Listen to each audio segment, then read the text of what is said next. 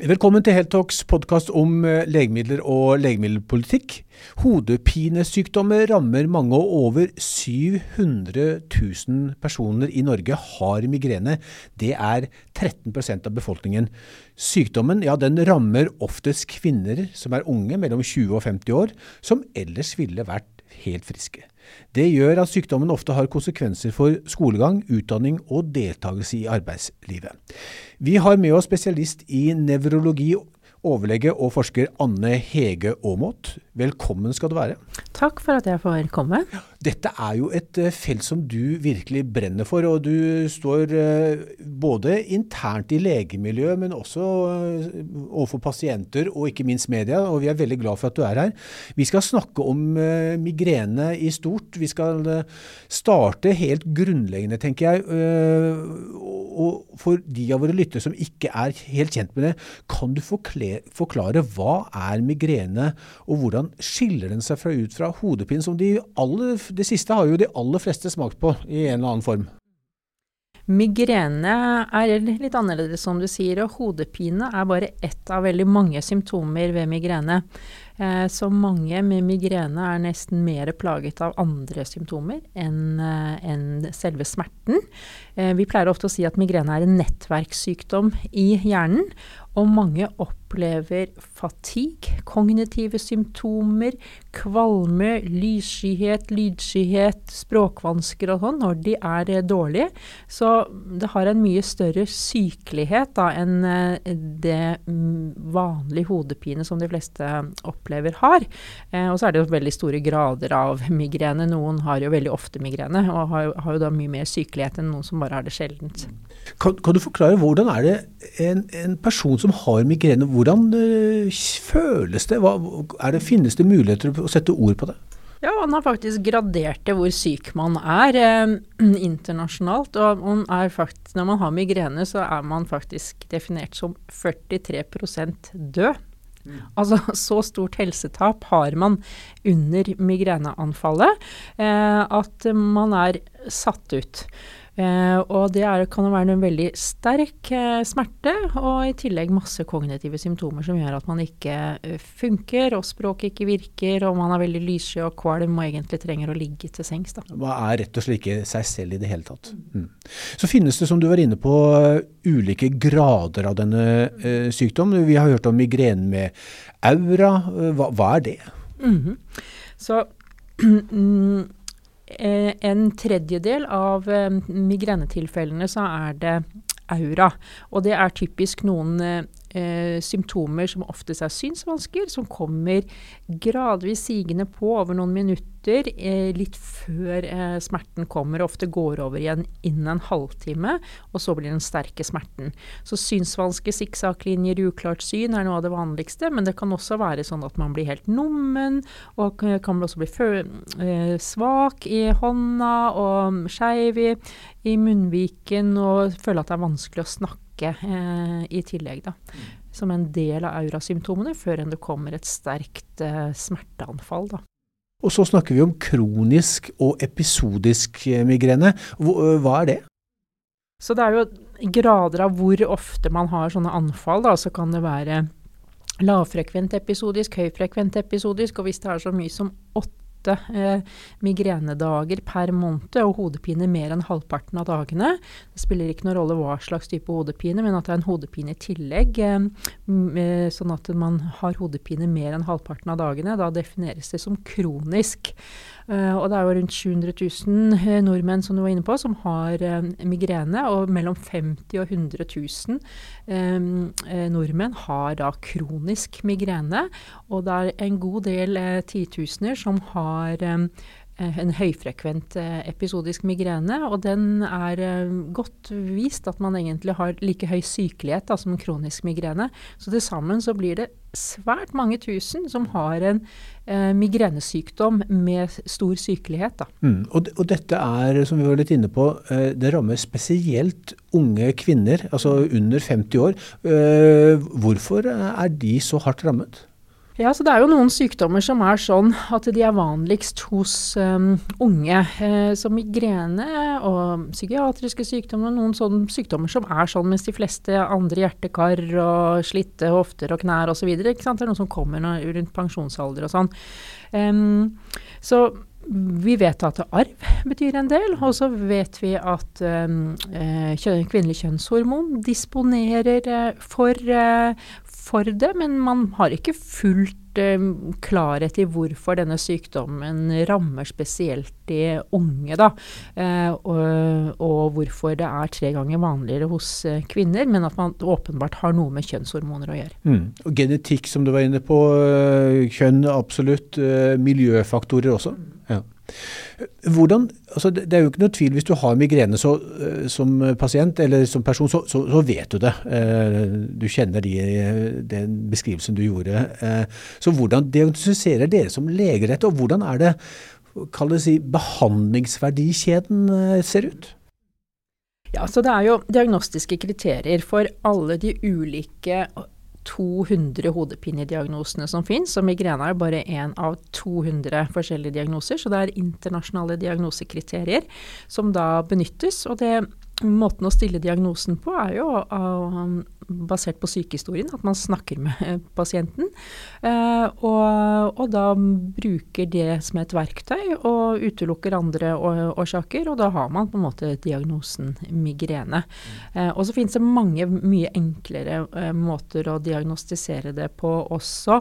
Sånne kortversjoner, PIN-koden f.eks. Helt sånn kort at hvis du har betydelig disability, at du er dårlig når du har hodepine, har sterk hodepine, har kvalm eller sånn, så skal det veldig mye til for at ikke det er uh, migrene. Så vi pleier å si at hvis du har så vondt i hodet at du trenger å gå til doktor for det, så er det migrene til det motsatte er bevist, fordi den hodepinetypen er så, såpass vanlig, og den gir såpass sterk hodepine, da, som ikke sånn tensjonstype hodepine gjør. Mm. Og da starter du hos eh, fastlegen, som vi gjør for uh, de, alle alle sykdommene i Norge. Hva er det han eller hun gjør da? Kan, hva, hvilket virkemiddelapparat har fastlegen til oss? Det er å snakke med pasienten, og så det, kan det være ekstra nyttig å bruke sånne hodepinekalendere, for da kan man fylle ut. Eh, så hvis, eh, hvis, folk har så vondt i hodet at de trenger å bestille time hos legen, så vil jeg liksom egentlig håpe at vi kan få til sånn at da, da, vet man at da må man egentlig bruke noen verktøy. Og så har man gjort hjemmeleksa si, for da får man jo mye mer ut av det. Og registrere hvor ofte er det, hvor lenge varer det, hvor sitter det, hvilke symptomer har det. Og det fins da på papir, og det fins apper. Eh, Eh, som er veldig eh, nyttig. Og da hvis man registrerer dette systematisk, så kan man egentlig da komme litt til fastlegen med en ferdig lekse, eh, og da ligger det egentlig fasiten der helt uh, åpenbart. Så da kan han fastslå om du har aurahodemigrene, om du har kronisk eller episodisk, uh, slik at man slipper å vente altfor lang tid med utredning og bli sendt fram og tilbake? Ikke sant. Eh, så det er veldig mye å hente på å få det der, der bedre strukturert helt i, i, starten. Og ikke minst at folk vet mer om dette her. At folk ikke går og kjøper seg sånne håndkjøpspreparater med Paracet og Ibux og sånn, eh, men går til legen hvis de har mye. Fordi bare det i seg selv, medikament- og forbrukshodepine, er jo en av de 200 andre viktige diagnosene som koster vanvittig mye, og som er helt unødvendig egentlig, fordi det fins smartere måter å håndtere hodepine på. Og disse, Du sa 50 000-100 000 har kronisk migrene. Eh, hvor mange av de kommer egentlig til fastlegen? Hvor mange er det som sitter hjemme og, og, og lider og blir sikkert mer sykemeldt enn en vanlig? Er en dårligere versjon av seg sjøl? Ja. Jeg tror mange eh, ikke drar til fastlegen, og det, det, kan hende at noen egentlig ikke har nok kunnskap om det. Men det kan også hende at folk egentlig har gått til legen før, og så har de ikke nødvendigvis blir tatt på alvor eh, og fått diagnostisert det godt nok. Eh, og får høre at det er stress eller sånn. Og da, det kan gjøre at man egentlig ikke går tilbake, da. Og, og, sånn sett så kommer man veldig sent til diagnose. Eh, og det opplever vi. Så her er det veldig mange lavthengende frukter ved å bare bruke eksisterende retningslinjer, eksisterende behandling, eh, og, og, så kan man få effektivisert veldig denne helsetjenesten. Så veldig stor utfordring egentlig i hodepinefeltet at helsetjenesten er organisert sånn at ikke folk får den hjelpen de trenger. Ja, for når jeg kommer til eh, fastlegen og, og egentlig det er helt åpenbart jeg har kronisk migrene, da skal han eller hun henvise meg til uh, spesialist, en, en nevrolog som, eh, som, som bl.a. deg. da. Ja, så hvis man eh, kommer til fastlege og har eh, mye ho hodepine, så det, bør man få diagnostisert det hos fastlegen. Eh, og da skal man egentlig, eh, bortsett fra noen spesielle sjeldne hodepiner og noen tilfeller når det er veldig skumle til grunnleggende årsak til hodepine, og sånn, så skal man egentlig starte um, i allmennpraksis med forebyggende behandling. enten det er kronisk eller ikke, eller, høy, eller såpass hyppig at det episodisk at det trengs å gjøres noe. Og da um, skal man også henvise videre. Så da å starte, hvis den allerede er kronisk, så er det jo lite sannsynlig at man kommer i mål med noe det enkle tilgjengelige som fastlegen har. Så da kan man jo eh, henvise, no, og samtidig som man starter. Hvis den er episodisk, så skal man eh, minst prøve to preparater først, før man eh, henviser. Og så skal man da kunne komme og få hjelp i spesialisthelsetjenesten, da. Og der er det jo en utfordring igjen med dette med organisering av helsetjenesten. Fordi det er eh, så mye som en 50 000-60 000 voksne eh, nordmenn som trenger helsetjeneste for hodepine i spesialisthelsetjenesten. Eh, per i dag, hvordan det er organisert, det vil ikke bli plass til verken parkinson eller MS eller hjerneslag eller noe hvis, hvis liksom man skulle ta hele denne bunchen. Så man, her må man få rullet ut en helsetjeneste som, som, fungerer, så folk får den hjelpen de trenger. Så, så når, når, en pasient kommer til dere, hva kan dere som nevrologer da gjøre? Hva, hva, for da har du, dere har mulighet til å gi anfallsbehandling og forebyggende behandling, og kanskje kombinasjoner av dette også? Så da mm, håper vi jo at eh, pasienten allerede har fått anfallsbehandling og forebyggende behandling. Og så har det grunnen til at spesialisten trengs, er fordi det enkle og det, man starter med, ikke funker.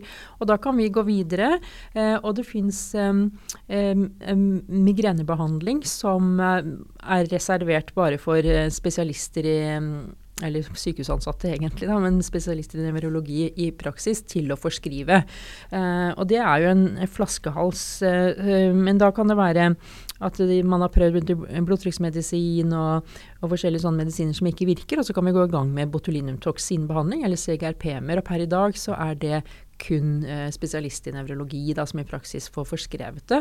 Mens det går jo ikke helt opp. Når det er en 50 000-100 000 som trenger, uh, som har kronisk migrene, uh, så tenker vi det er én en måte å gi fastlegene flere verktøy på. fordi da da kan man også gi den behandlingen i allmennpraksis, og da slipper pasientene lettere til eh, behandling og får den hjelpen de trenger. Så du tenker at det vil være en fordel å skyve ned behandlingsansvaret? At eh, Botox og CGRP-hemmere kan også fastlegen under visse forutsetninger sikkert eh, forskrive? Ja. ja. det har vi stor tiltro til at fastlegene kan håndtere på en veldig god måte.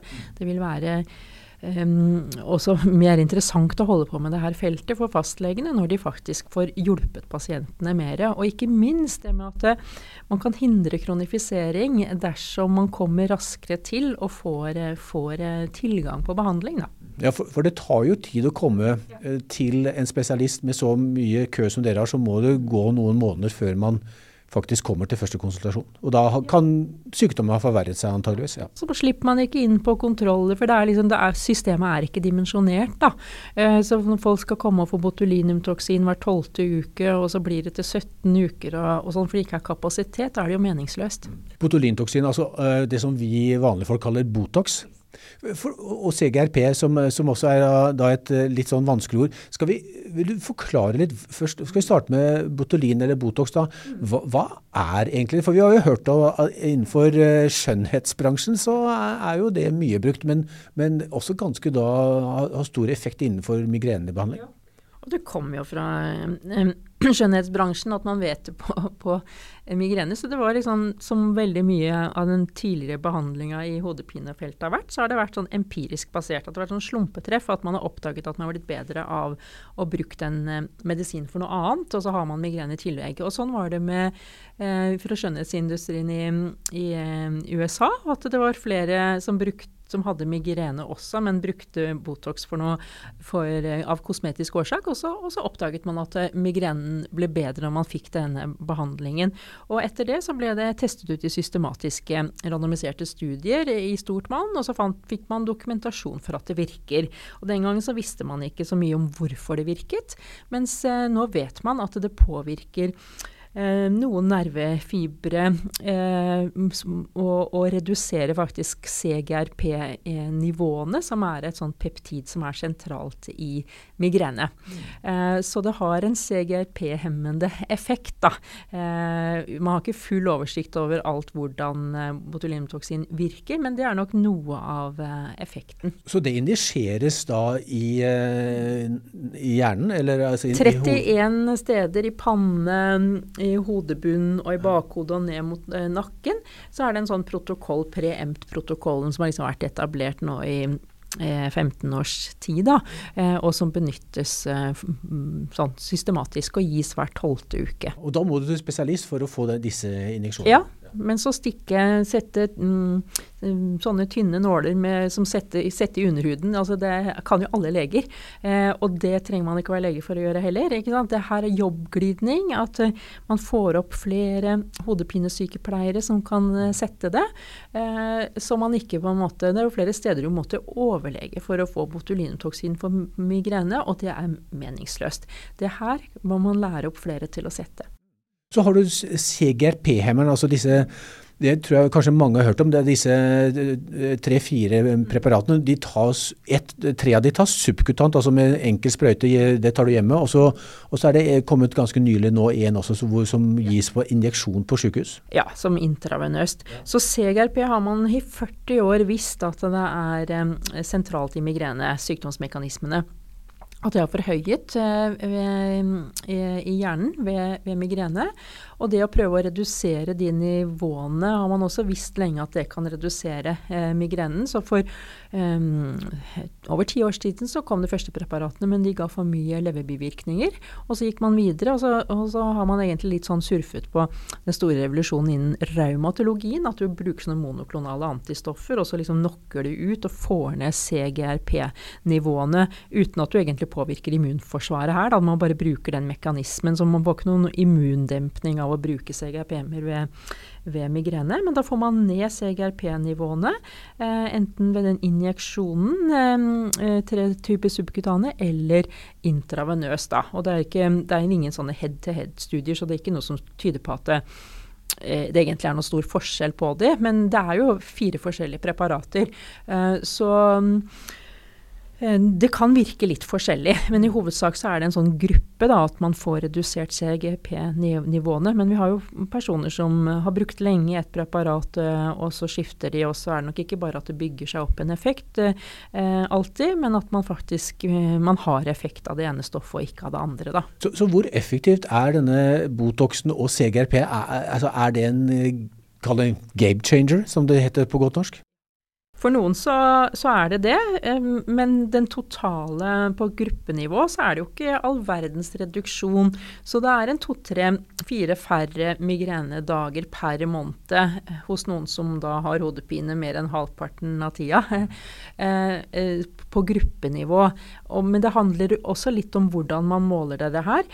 For det kan virkelig være en game changer for folk som fortsatt har mange migrenedager. Fordi mens de før CGRP-hemmeren eller før botulinumtoksinbehandlingen hadde svært intens migrene veldig mange timer per dag, så er det noen som har egentlig veldig god effekt. Eh, eh, de har jo fortsatt migrene hver dag, men eh, forskjellen er jo at de kan stå i jobb som lærer, til og med. ikke sant?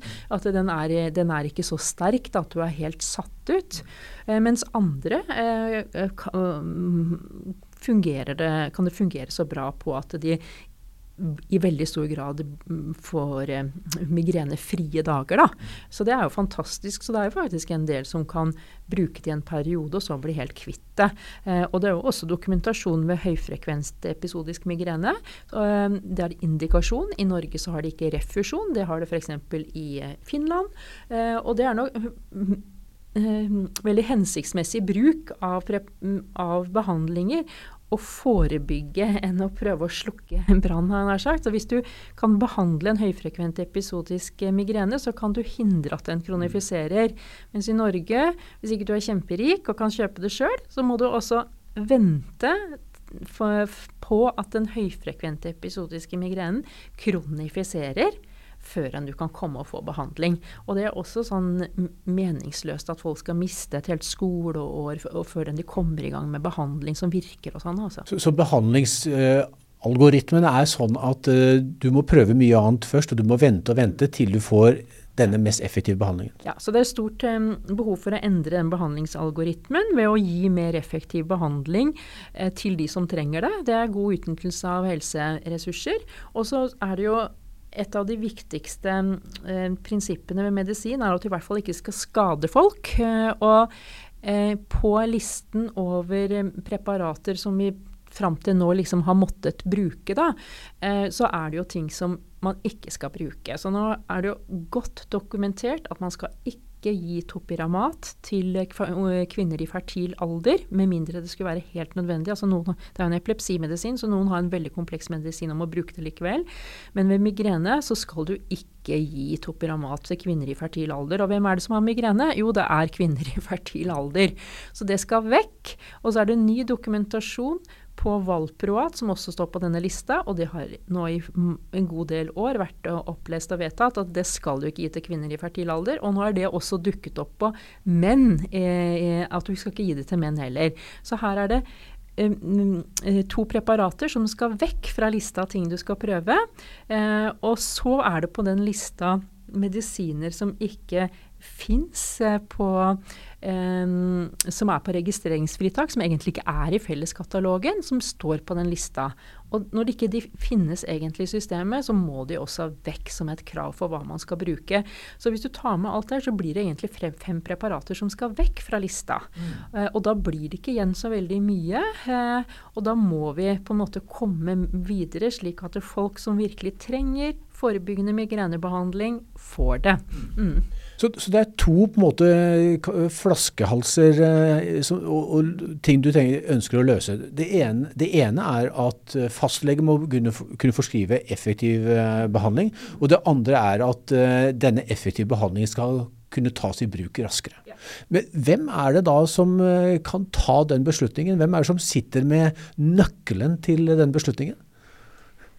Eh, hvem som kan få skrive Ja, altså det må jo Er det politikerne? Det er egentlig politikerne som må inn og endre, sånn at det kan bli, eh, bli eh, rettigheter for fastlegen til, til å forskrive. Men også trengs jo politikerne um, til å bidra litt mer på det store systemet her, for å få strukturert denne helsetjenesten, og for å få opp informasjonskampanjer om uh, hodepine, og få tiltak som når befolkningen bredt. Og det handler om uh, å Eh, få mer undervisning på hodepine, at folk kan mer, få mer rundt hodepine inn i skolehelsetjenesten, at, det, eh, at eh, helsesøstrene kan dette her og sprer informasjon. Eh, hvis man ser på hvem som treffer, eh, eh, hvem faktisk folk med hodepine treffer, så er også farmasøytene sentrale. Så det, er en rekke andre grupper enn leger og sykepleiere som, som pasienter treffer. Så det er liksom å få sydd det her i sammen, slik at de som trenger behandling, får det, og at vi får redusert det helsetapet og de gigantiske kostnadene knyttet til eh, hodepine. Da. Eh, rett og slett bedre utnyttelse av eh, samfunnets ressurser. Mm. Underkommunisert, underdiagnostisert og underbehandlet, kan det være tre stikkord? Ja, det, er, det går veldig igjen her. Altså det er veldig mange som ikke har diagnostisert eh, hodepinen sin. Eh, og det er på en måte, De har ikke kanskje gått til lege og ikke fått uh, helt klarhet i det, og det er bare kalt angst eller stress eller noe sånt noe. Så det er liksom det er underdiagnostisert, og det er underbehandlet. Det er noe sånn som én av fire med migrene som trenger forebyggende behandling, mens det er bare én av ti som får det.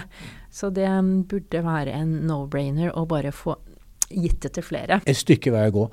Uh, det, nesten, det, blir nesten uh, rart å snakke om uh, forskning på, på, ny medisin når allerede god og, og sikker eh, medisin ikke er godt nok tatt i bruk. Men, men hva, hvis vi skal bruke bare et par minutter på hva ligger i fremtiden? For det her eh, vet jeg at det forskes eh, intenst. Ja, og vi har i Norge så har vi jo Norhed, eh, som er et stort forskningssenter som er, um, er desentralisert med, med undersentre rundt omkring i hele Norge. Så det er jo veldig mye forskningsaktivitet i Norge.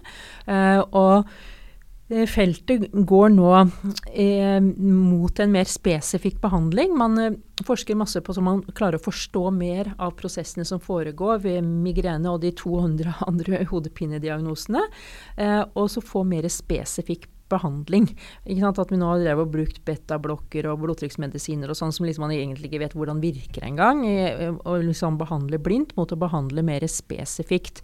Så der skjer det mer. Det er andre CGRP-ere som kommer som tabletter, som man ikke trenger verken intravenøst eller injeksjoner. Eh, den første kom i 2022, og da kommer det flere. Eh, og det blir både ny forebyggende behandling og ny anfallsmedisin. De kalles G-panter, så det er som en sånn gruppe. Så det er veldig, veldig spennende. Og så er det på vei andre eh, preparater mot andre signalsubstanser, sånn som pakkap og amylin, eh, som man eh, også har mer kunnskap om nå, av deres posisjon i migrene, sykdomsmekanismene. Mm. Eh, og så er det på vei flere invasive behandlinger, sånn som en nerveknute dypt i kinnet som kalles SPG, svenopalatin ganglion, som ligger så nært eh, neseslimhinna at faktisk også kan noen, hos noen, en del nå den med diffusjon med lokalbedøvelse i nesen.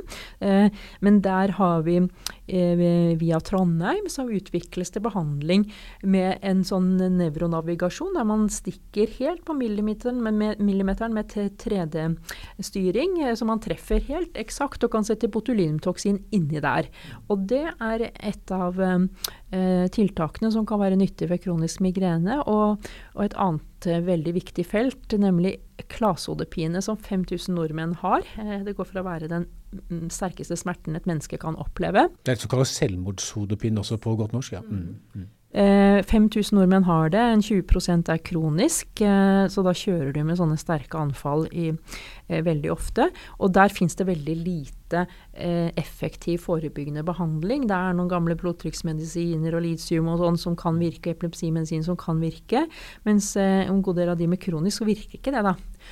og der er, kan denne injeksjonen mot SPG, der testes den ut nå. Og hvis det blir det positive studier, så kan det bli etablert som en ny behandling. Og også nevromodulerende studier, eh, både utenfor huden det, eh, uten at man stikker i folk, med, med strøm og, for, og, forskjellig tilnærming, og biofeedback, som kan kanskje nå ganske bredt, fordi stress er jo sentralt i migrene. Så der er det på, på vei apper og utstyr. Også på mer sånn høyinvasiv behandling så kommer det også mer forskning på ulike typer av veldig sjeldne og veldig kompliserte hodepiner, som man ikke kommer til mål med, med, med medikamenter på. Anne Hege Aamodt, det har vært veldig lærerikt å ha deg med på. Dette er et felt du brenner for. og Du møter politikere og annet, annet helsepersonell, og du møter masse pasienter selvfølgelig på din vei. Tusen takk for, for at du delte din ekspertise med oss.